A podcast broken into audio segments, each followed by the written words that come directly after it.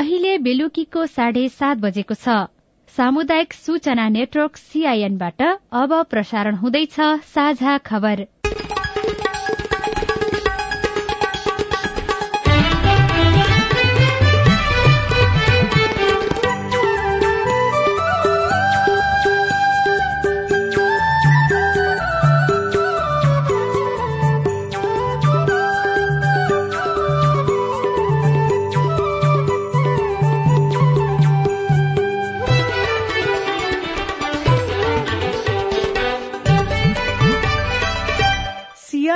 साझा खबरबाट स्नेहा कर्णको नमस्कार। साझा खबर देशभरिका सामुदायिक radio CIN Khabar dot com र मोबाइल एप सीआईएनमा पनि सुन्न सकिन्छ।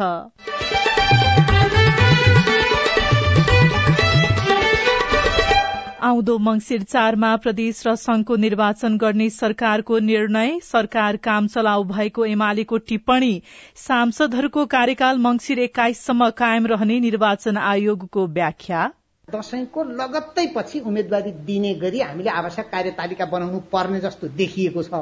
त्यसकारण उम्मेद्वारी दिएपछि निजहरूको पद चाहिँ स्वत सकिएको मानिनु पर्दछ भन्ने आयोगको स्पष्ट धारणा छ। पाँच हजार भन्दा धेरै नेपाली कामदार लैजान जापान तयार अर्थ सचिव मरासिनीको प्रधानमन्त्री कार्यालयमा सरूवा। अब सर्वोच्च अदालत शुक्रबार पनि दिनभर खुल्ने सेवाग्राहीलाई सुविधा पुग्ने अपेक्षा।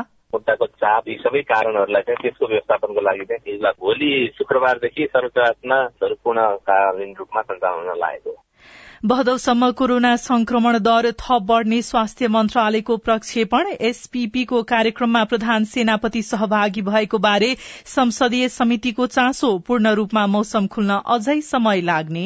विगत एक हप्तादेखि जुन लगातार किसिमले पानी परिरहेको थियो त्यो अवस्थामा चाहिँ अब अलिक क्रमिक सुधार हुने सम्भावना रहेको छ। त्यो भन्दामा फेरि भारी वर्षा चाहिँ नहुने भन्ने पनि हुँदैन। र ताइवानको उत्तर पूर्वी अनि दक्षिण पश्चिम सीमा क्षेत्रमा चीनद्वारा मिसाइल आक्रमण।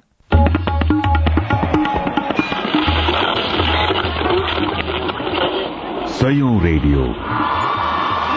हजारौं रेडियो कर्मी र करोड़ौं नेपालीको माझमा यो हो सामुदायिक सूचना नेटवर्क सीआईएन जति ऋण दियो त्यसको सावा महिनै पिच्छै दुई गुणा चौगुणा बढ़ाउँदै जाने र त्यस बापत गरीबहरूको घर जग्गा हडप्ने कार्य मिटर ब्याज हो। यस्तो गलत कार्य गर्ने तथा कथित साहुहरूको बारे सार्वजनिक भएको तीन वर्ष भयो। सरकारले केही मिटर ब्याजीलाई पक्राउ गरे पनि पीड़ितहरू न्याय माग्दै काठमाण्डु आउने क्रम रोकिएको छैन।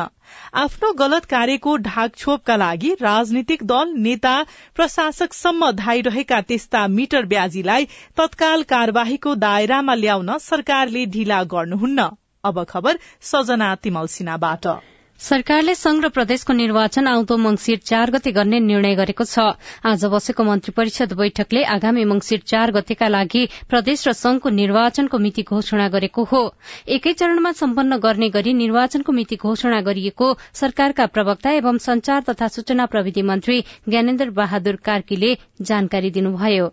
प्रतिनिधि सभा र प्रदेश सभाको निर्वाचन मंगिर चार गते आइतबार एकै चरणमा सम्पन्न गर्ने आज बसेको मन्त्री परिषदको बैठकले निर्णय गरेको कुरा म यहाँहरू मार्फत सम्पूर्ण देशवासीमा जानकारी गराउन चाहन्छु र सामान्यत हाम्रो बुझाइ के छ भन्दाखेरि जुन बेला प्रतिनिधि सभाका सदस्यहरूले सभामुखले उपसभामुखले आफ्नो निर्वाचनका निमित्त निर्वाचन आयोगमा गएर उम्मेदवारीको मनोनयन गर्नुहुन्छ त्यसपछि यसको कार्यकाल समाप्त हुनेछ भन्ने अहिलेको बुझाइ छ। सरकारले मंगिर चार गते प्रदेश र संघको निर्वाचन गर्ने घोषणा गरेको निर्णयलाई प्रमुख प्रतिपक्षी दल नेकपा एमाले स्वागत गरेको छ। एमाले अध्यक्ष केपी शर्मा ओलीले निर्वाचन अपेक्षित रहेको बताउँदै सरकारको निर्णयलाई स्वागत गर्नुभएको हो। एमाले नेता सुभाष चन्द्र नेमाङले भने निर्वाचनको मिति घोषणासँगै सरकार काम चलाउ भएको टिप्पणी गर्नुभएको छ। सरकारले प्रदेश र प्रतिनिधि सभाको निर्वाचनको मिति घोषणा गरेसँगै सरकार काम चलाउ भएको र संसद स्वत विघटन भएको हो कि होइन भन्ने बारेमा बहस शुरू भएको हो। संविधानविद सूर्य प्रसाद ढुङ्गेलले सीआईएनसँग भन्नुभयो। गभर्मेन्ट भनेको गभर्मेन्ट हो है। त्यस कारणले अब केयरटेकर भनेको अर्थ के भने निर्वाचन पछि अर्को सरकार नबनुन्जेलसम्म यसको त्यो जिम्मेवारी बोक्ने सरकार हो है। निर्वाचन घोषणा हुन साथै निर्वाचन आयोगले कोड अफ कन्डक्ट हुनले एउटा बनाएकै छ पहिले पनि बनाएको थियो अहिले पनि बनाएको पहिले पनि देखिने हुन्छ। त्यो कोड अफ कन्डक्टभित्र कुनै यस्तो किसिमको निर्णय गर्नु हुँदैन। जुन निर्णय चाहिँ अर्को आउने सरकारको लागि लादिएको जस्तो होस् होइन? त्यस कारणले यसको मेजर जिम्मेवारी प्रशासकीय सञ्चालन र अहिले भइरहेका जुन काम कारवाहीहरू प्रोजेक्टहरू जुन जिम्मेवारीहरू छ वहन गर्दै जाने तर त्यस्तो कुनै नयाँ निर्णयहरू गर्नु हुँदैन। जुन निर्णयले अर्को आगामी आउने सरकारलाई एउटा बोझ बन्न सकोस्। त्यस कारणले यसको एउटा निर्णय गर्ने प्रक्रियामा विशेष गरेर पोलिसी नीतिगत निर्णयहरूमा चाहिँ लामो लङ टर्म इम्प्याक्ट हुने किसिमको निर्णय गर्नु हुँदैन। निर्वाचनको मिति घोषणा भएसँगै आयोगले हाल जारी रहेको मतदाता नामावली संकलन भोलिदेखि बन्द गर्ने निर्णय गरेको छ। सरकारले प्रदेश र संघको निर्वाचनको मिति घोषणा गरे लगत्तै आज पत्रकार सम्मेलन गर्दै आयोगले भोलिदेखि मतदाता नामावली संकलनको काम बन्द हुने बताएको हो। साथै अनलाइन आवेदन दिएकाहरूले एक्काइस गतेसम्म औंठा छाप र फोटो खिचाउन पाउने पनि आयोगले प्रश्न पारेको छ। पत्रकार सम्मेलनमा बोल्दै प्रमुख निर्वाचन आयुक्त दिनेश कुमार थपलियाले असोजमा उम्मेद्वारी दर्ताको लागि मिति रोक्ने गरी निर्वाचन कार्यतालिका तयार पारिने बताउनुभयो। संविधानमा भएको व्यवस्था र निर्वाचन सम्बन्धी कानूनमा भएको व्यवस्था अनुसार निर्वाचित मितिबाट पदावधि प्रारम्भ हुन्छ भन्ने व्यवस्था भएकोले त्यसैलाई टेकेर आउँदो मंगिरको एक्काइस गते पदावधि समाप्त हुन्छ भन्ने कुरा हामीले लिखित रूपमै पेश गरेका थियौं। त्यसकारण यसलाई अन्तर्राष्ट्रिय मूल्य मान्यता संसदीय परम्परा हाम्रो संविधान र कानूनी व्यवस्थाकै पृष्ठभूमिमा हेरिनुपर्ने हुन्छ। दशैंको लगत्तै पछि उम्मेद्वारी दिने गरी हामीले आवश्यक कार्यतालिका बनाउनु पर्ने जस्तो देखिएको छ। त्यसकारण उम्मेद्वारी दिएपछि निजहरूको पद चाहिँ स्वत सकिएको मानिनु पर्दछ भन्ने आयोगको स्पष्ट धारणा छ। आयोगले असार एक गतेदेखि प्रदेश र संघको निर्वाचनका लागि मतदाता नामावली संकलनको काम शुरू गरेको थियो। आगामी निर्वाचनमा मतदाता शिक्षामा मात्र वैदेशिक सहयोग लिने पनि प्रमुख निर्वाचन आयुक्त थपलियाले बताउनुभयो। एक सय सात दिनको अवधि भए पनि आयोगले आगामी मंगिर चार गतेको दिनलाई अर्जुन दृष्टि लगाएर काम गर्ने र आगामी निर्वाचनलाई स्वच्छ स्वतन्त्र निष्पक्ष र एकदम भयरहित वातावरणमा साँच्चै नै शान्तिपूर्ण ढंगले सम्पादन गर्ने गरी आवश्यक तयारी गरिसकेको सर्वोच्च अदालतबाट पनि हामीलाई परामादेशयुक्त आदेश जारी भएको अवस्था र हाम्रै कानूनमा निर्वाचन सम्बन्धी कानूनमा पनि निर्वाचनको काममा खटिएका कर्मचारीहरू सुरक्षा कर्मीहरू ब्यारेकमा रहेका सुरक्षा कर्मीहरू स्वीकृत प्राप्त वृद्धाश्रममा रहेका ज्येष्ठ नागरिकज्यूहरू र थुनुवा तथा कोइदीहरू लगायतलाई अस्थायी मतदाता नावली तयार गरेर भए पनि समानुपातिक तर्फ मतदान गर्न दिनुपर्ने व्यवस्थालाई आयोगले गम्भीरतापूर्वक लिएको छ र सम्भवतः यो निर्वाचनबाट यो माग पूरा हुनेछ। हामी यसलाई व्यवस्थापन गर्ने प्रक्रियामा छौं। उहाँले आवश्यकता अनुसार चाँडै नै दल दर्ताको प्रक्रिया पनि शुरू हुने बताउनुभयो। पाँच हजार भन्दा बढ़ी नेपाली श्रमिक लैजान जापान सरकार तयार भएको छ। नेपाली कामदारलाई जापानमा रोजगारी दिने विषयमा छलफल गर्न बनेको संयुक्त कार्य समितिको बैठकमा जापानले नेपाललाई कार्यविधि बनाउन आग्रह गरेको समितिका सदस्य एवं वैदेशिक रोजगार विभागका निर्देशक डम्बर सुनवारले सीआईएनसँग बताउनुभयो। बैठकमा जापान र नेपाल बीच नेपालमा जापानिज भाषा र सिप परीक्षा उत्तीर्ण गरी जापान जान तयारी अवस्थामा रहेका नेपालीहरूलाई यथाशक्य छिटो जापान पठाउने विषयमा सहजीकरण गर्ने समझदारी भएको उहाँले जानकारी दिनुभयो। जापानको एसएसडब्ल्यू प्रणाली कार्यान्वयन गरी नेपाली नागरिकलाई जापानमा पठाउन नेपाल सरकारले निर्माण गर्नुपर्ने कार्यविधि बनाउने समझदारी पनि भएको छ। यसअघि नेपालले कार्यविधि बनाएर मन्त्री परिषद लगेर पास नै गरिसकेको थियो। यो समझदारीले सरकारले बनाएको कार्यविधिलाई जापान सरकारले अस्वीकार गरेको देखिएको छ। सरकारले नेपाल वायु सेवा निगमका कार्यकारी अध्यक्ष युवराज अधिकारीलाई बर्खास्त गरेको छ। आज बसेको मन्त्री परिषद बैठकले अधिकारीलाई बर्खास्त गर्ने निर्णय गरेको भूमि व्यवस्था शहरी तथा गरीबी निवारण मन्त्री शशि श्रेष्ठले जानकारी दिनुभयो। यसअघि सरकारले अधिकारीलाई असार छ गते अध्यक्ष पदबाट निलम्बन गर्ने निर्णय गरेको थियो।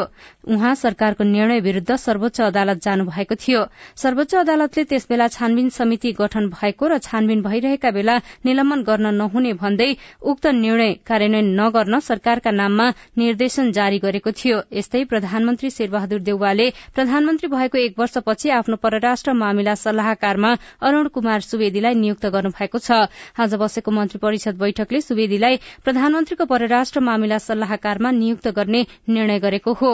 बैठकले अर्थ मन्त्रालयका सचिव मधुकुमार मरासिनीको सरूवा पनि गरेको छ। मन्त्री परिषद बैठकको निर्णय अनुसार मरासिनीलाई प्रधानमन्त्री तथा मन्त्री परिषदको कार्यालयमा तानिएको छ भने राजस्व सचिव कृष्णहरि पुष्करलाई अर्थ सचिवको जिम्मेवारी दिइएको छ।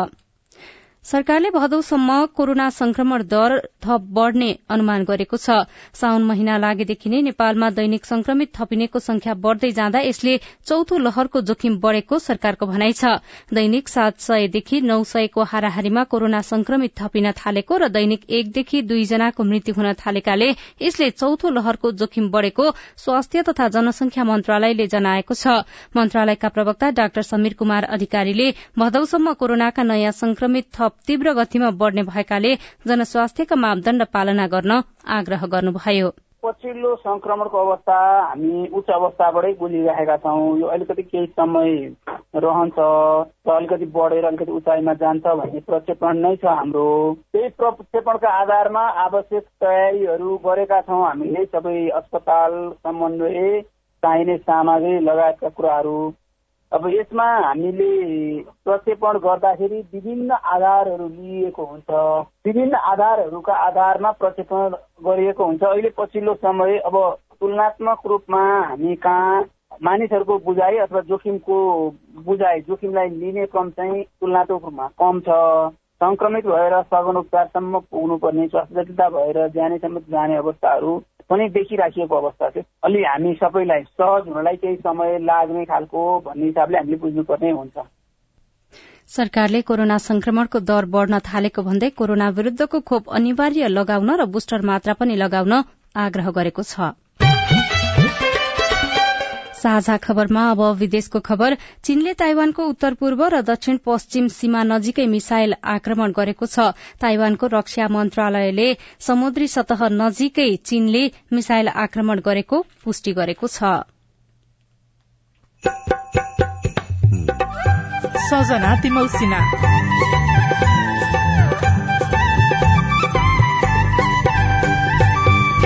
प्रदेश सरकारको सहयोगपछि आलु खेती गर्ने किसान उत्साहित। घरकोले त माउता छ महिना वर्ष दिन मात्रै पुग्छ त्यही आलुबाटै नै चामल लिएर जीवन गुजारा गरिरहेको छ।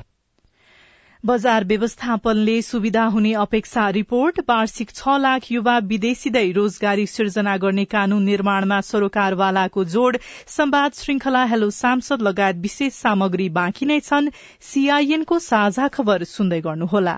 मम्मी खाजा। मम्मी मेरो होमवर्क गर्ने कापी। बुहारी एकदम खुट्टा दुख्यो। बुहारी चिया खान मन लागेको थियो। बुढी कपडा मैलो भएछ। अरे मेरो परिवार। भर्खरै सुनेको संवाद तपाईँलाई कस्तो लाग्यो? यही संवादलाई फेरि एकपटक यसरी सुनौ न है। मम्मी खाजा। आज म बनाउँछु। मिठो बनाउँछु है। मम्मी मेरो होमवर्क गर्ने कापी। मैले खोजिसके। अब म होमवर्क गर्छु। बुहारी एकदम खुट्टा दुख्यो। छोराले तेल तताएर लगाइदिएपछि अलि आराम भयो। बुहारी चिया खान मन लागेको थियो। सबैको लागि बनाएको छु। आऊ सबैजना खान।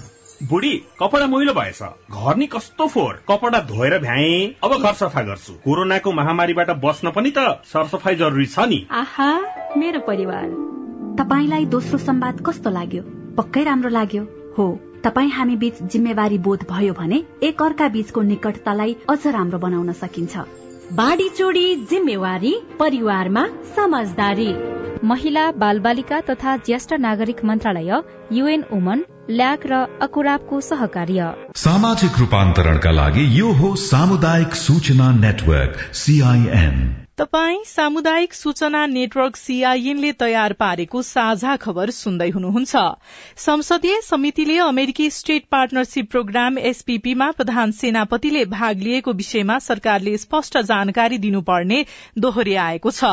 आज बसेको राज्यका निर्देशक सिद्धान्त नीति र दायित्वको कार्यान्वयन अनुगमन तथा मूल्याङ्कन समितिको बैठकले समितिले दिएको निर्देशन विपरीत बैठकमा मन्त्री सचिव र प्रधान सेनापति उपस्थित नहुनाले झनै सशंकित बनाएको निष्कर्ष निकालेको छ। सर्वोच्च अदालतबाट शुक्रबार पनि पूरा समय सेवा प्रवाह हुने भएको छ। गत असार बाइस गते बसेको सर्वोच्चको पूर्ण बैठकले शुक्रबार पनि अन्य बार सरह पूरा समय अदालत सञ्चालन गर्ने निर्णय गरेको हो। सोही निर्णय अनुसार भोलिदेखि नै सर्वोच्चले पूरा समय सेवा प्रवाह गर्ने सर्वोच्चका प्रवक्ता विमल पौडेलले सीआईएनसँग बताउनुभयो। भोलि शुक्रबारदेखि सर्वोच्च दुईवटा कल निस्केको हुन्छ। बिहानमा चाहिँ एक किसिमको मुद्दाहरूको कल हुन्छ भने दिउँसो निवेदनहरूको चाहिँ कल दिउँसोको हाफ टाइम पछिको सुनवाईको लागि निस्किन्छ। त्यसो हुनाले अब फुल टाइम बिहान दस बजेदेखि पाँच बजीसम्म सर्वोच्चका इजलासहरू सञ्चालन हुने गरी व्यवस्थापन गरिएको छ। र अब यो सर्वोच्चमा मुद्दाको चाप अनि पुराना मुद्दाहरूको चाप यी सबै कारणहरूलाई चाहिँ त्यसको व्यवस्थापनको लागि चाहिँ सर्वोच्चले पूर्ण बैठकबाट कार्यजना जुन अनुमोदन गरेको छ सोही अनुसार चाहिँ इजलासहरू पूर्णकालीन रूपमा सञ्चालन हुन लागेको पानी पर्ने क्रम बढ़ेसँगै देशका केही स्थानको मौसम खुलेको छ तर पूर्ण रूपमा मौसम खुल्न भने अझै केही दिन लाग्ने मौसम पूर्वानुमान महाशाखाले जनाएको छ महाशाखाका मौसमविद हिरा भट्टराईले सीआईएनसँग कुराकानी गर्दै अझै केही दिन देशका विभिन्न ठाउँमा हल्कादेखि मध्यम वर्षा र एक दुई ठाउँमा भारी वर्षाको सम्भावना रहेको बताउनुभयो गण्डकी प्रदेश सरकारले पहाड़ी क्षेत्रलाई आलु पकेट क्षेत्र घोषणा गरी सहयोग गर्न थालेपछि बागलुङको ताराखोला ढोरपाटन तमानखोला लगायत गाउँका किसानहरूले आलु खेती विस्तार गरेका छन्।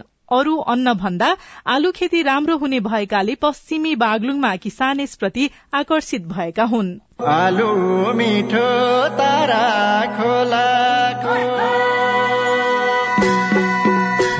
भने जस्तै तारा खोलाको आलु प्रसिद्ध छ। तारा खोलाका दुई सय भन्दा बढ़ी परिवार आलु खेतीमा आबद्ध छन्। किसानले फलाएको आलु बिक्रीका लागि बागलुङ बजार ल्याउँछन्। तारा खोला पाँचका भीमबहादुर श्री हामीले खन्दा खन्दै पनि व्यापारीहरू आएर उठाइदिइसकेको हुन्छ। हामीले घरभित्र पनि भित्राउन पाउँदैन। तारा खोला जस्तै गलकोट ढोरपाटन तमान खोला र निसी खोलामा पनि व्यावसायिक आलु खेती हुने गरेको छ। यस क्षेत्रको आलु ग्राहकको रोजाई र खोजाईमा परेको हुनाले किसानलाई बजार खोज्नु परेको छैन। गलकोट नगर नगरपालिका एक दुदिला भाटीका एक बहादुर घरती मगर। ढोरपाचनको आलु पनि त्यो पनि राम्रै आलु त्यो खानामा चाहिँ स्वाद छ त्यसमा अलि। तारा खोलाको आलु ओबानो र अनि खाने बेलामा चाहिँ स्वाद चाहिँ भएको कारणले गर्दाखेरि धेरै माग आउँछ गत वर्ष तारा खोला निसी खोला तमान खोला गाउँपालिका सहित गलकोट र ढोरपाटन नगरपालिका समेटेर आलु जोन घोषणा गरिएको छ। धान खेती नहुने भएकाले यहाँका किसानले आलु बेचेर चामल किन्ने गरेका छन् भने अरू घर खर्ची चलाएर बचत पनि गर्छन्। गाउँमा सड़क पुगेपछि धुवानीको समस्या छैन।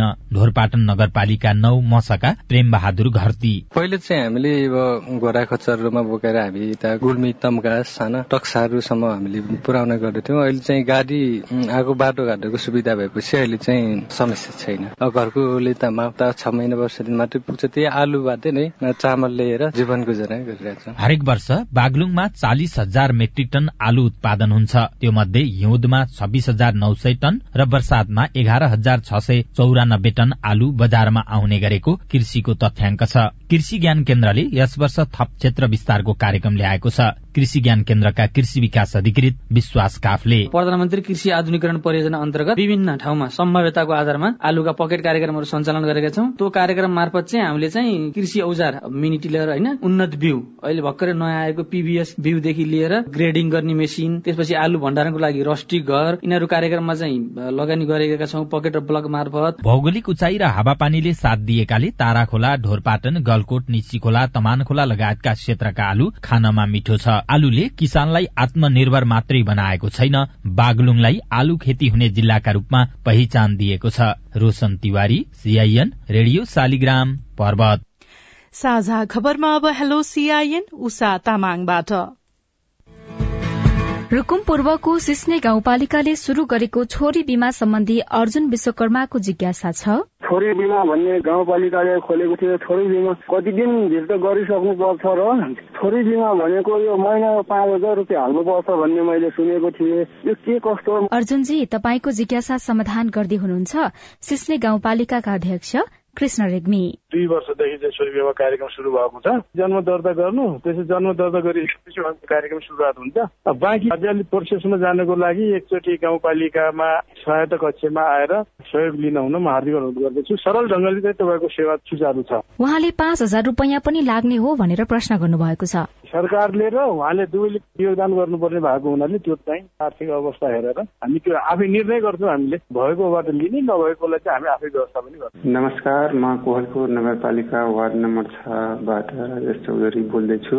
मेरो जिज्ञासा सञ्चय कोषले प्रदान गर्ने लोनहरू के राजमार्गदेखि एक किलोमिटर भित्र घर जग्गा भएको कर्मचारीले मात्र लिन पाउने हो र त्यसो भए गाउँमा घर जग्गा भएको सानो दर्जाको कर्मचारीले कसरी यो सेवा लिने? तपाईँको जिज्ञासा समाधान गर्न हामीले कर्मचारी सञ्चय कोष शाखा कार्यालय कोहलपुरमा सम्पर्क गरेका थियौं। कार्यालयका अनुसार अवस्था हेरी कर्जा विस्तार गरिने भएकाले विस्तृत जानकारीका लागि कोहलपुर शाखामा सम्पर्क गर्नुहोला। म भोजपुरको साल्पा गाउँपालिकाबाट राजधानी हराएको छ। उक्त पासपोर्ट बनाउनको लागि मैले के गर्नुपर्छ र कस्तो खालको कागज मिलाएर मैले अर्को राजधानीलाई म पाउन सक्छु? जवाफ दिँदै हुनुहुन्छ भोजपुरका प्रमुख जिल्लाधिकारी हरिप्रसाद घिमिरे। राजधानी बनाउनलाई चाहिँ सबैभन्दा पहिले राष्ट्रिय परिचय पत्र बनाउनु पर्छ उहाँले। यहाँ आएर पहिले राष्ट्रिय परिचय पत्र बनाउने अनि ई पासपोर्टको लागि अनलाइन फर्म भर्ने अनलाइन फर्म भरिसकेपछि बायोमेट्रिक गर्न यहाँ अफिसमा आउनुपर्छ। कपी छ भने त्यो राखेर पेश गर्नुहुन्छ। त्यो कपी पनि छैन भने सकल नागरिकता भए हुन्छ। अनि पासपोर्ट उहाँको जारी हुन्छ। शुल्क चाहिँ यहाँबाट गर्दाखेरि पाँच हजार रुपियाँ लाग्छ। तपाई जुनसुकै बेला हाम्रो आइभीआर नम्बर शून्य एक बान्न साठी छ चार छमा फोन गरेर आफ्नो प्रश्न जिज्ञासा गुनासा तथा प्रतिक्रिया रेकर्ड गर्न सक्नुहुन्छ। तपाई सामुदायिक सूचना नेटवर्क सीआईएनले काठमाण्डुमा तयार पारेको साझा खबर सुन्दै हुनुहुन्छ। संसदमा युवाको सहभागिता बढ़ाउने सांसदहरूको प्रतिबद्धता। परिमार्जन गरेर लाने गरी ऐन संशोधनको प्रक्रिया पनि अगाडि बढाएका छौँ। मैले संसदमा पनि राष्ट्रिय सभा पनि उठाउँछु मैले। साठी वर्षभन्दा माथिकोले सक्छ? सक्दैन। प्रणालीभित्र प्रवेश गरेर उहाँहरूले चाहिँ भूमिका लिएर चाहिँ अगाडि बढ्नुपर्छ। संवाद श्रृंखला हेलो सांसद बाँकी नै छ। सीआईएनको साझा खबर सुन्दै गर्नुहोला।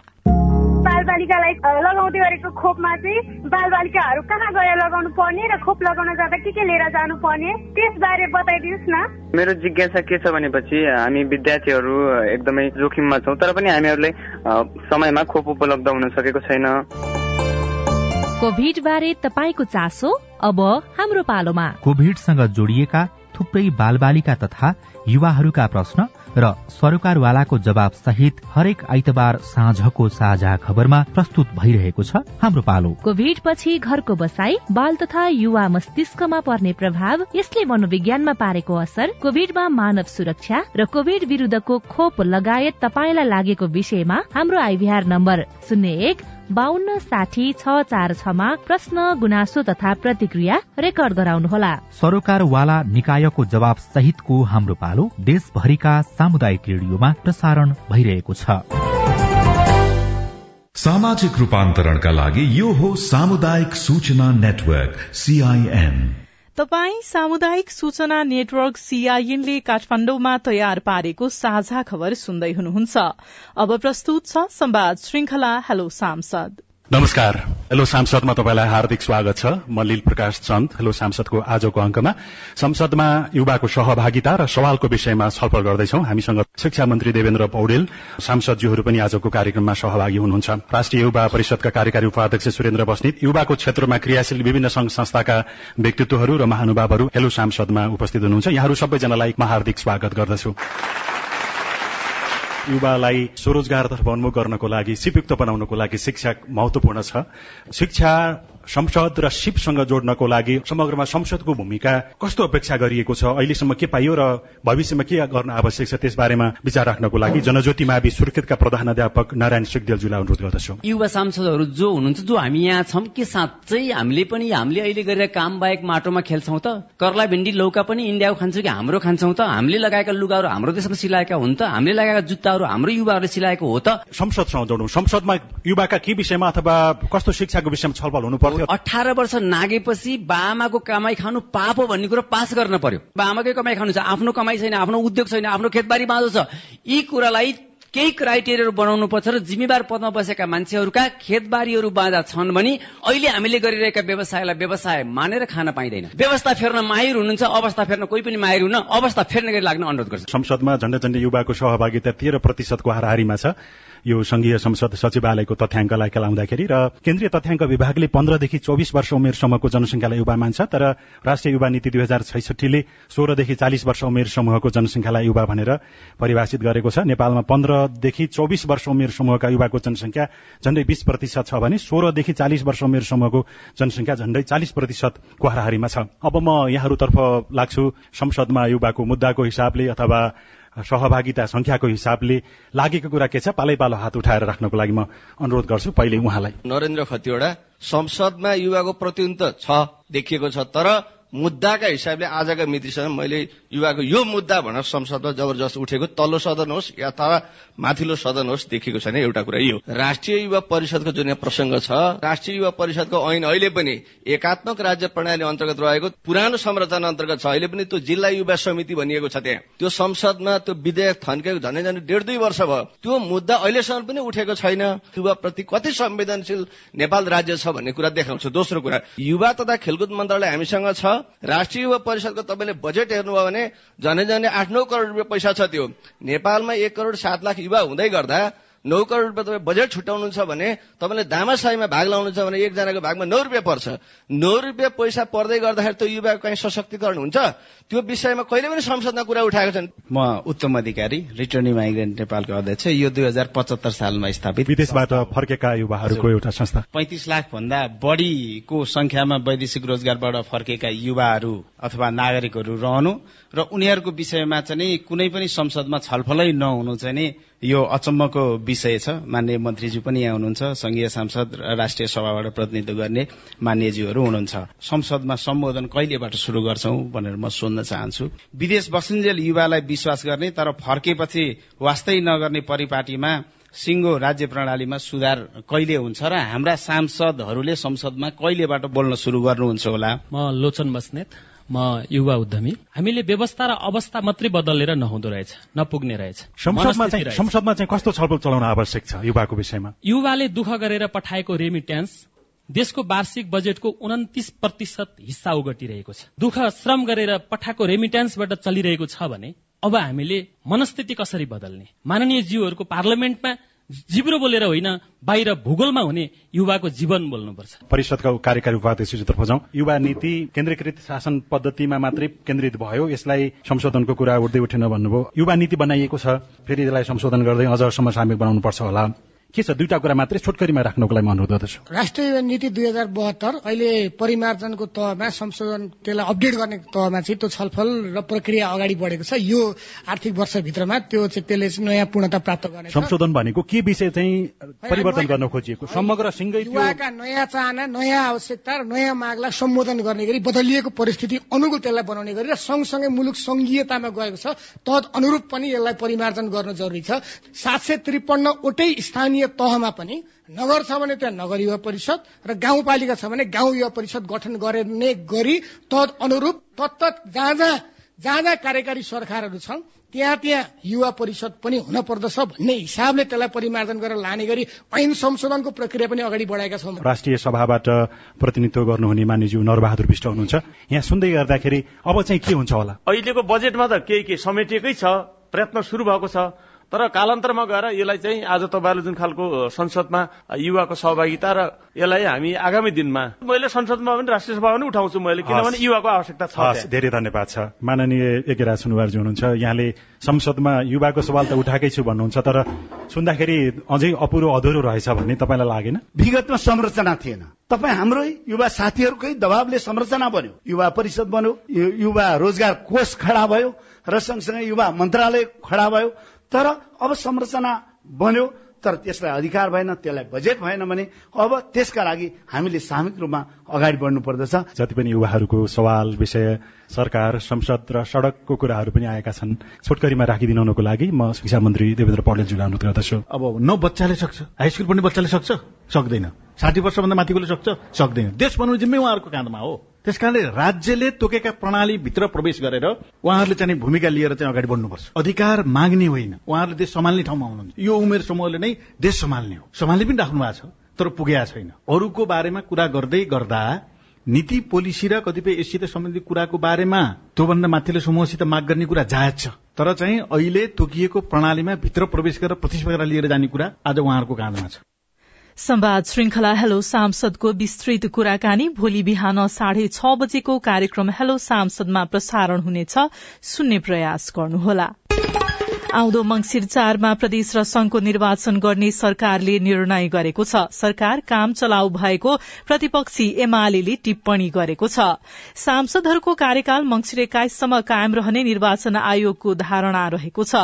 पाँच हजार भन्दा धेरै नेपाली कामदार लैजान जापान सरकार तयार भएको छ। अब सर्वोच्च अदालत शुक्रबार पनि दिनभर खुल्ने भएको छ र ताइवानको उत्तर पूर्वी अनि दक्षिण पश्चिम सीमा क्षेत्रमा चीनले मिसाइल आक्रमण गरेको छ।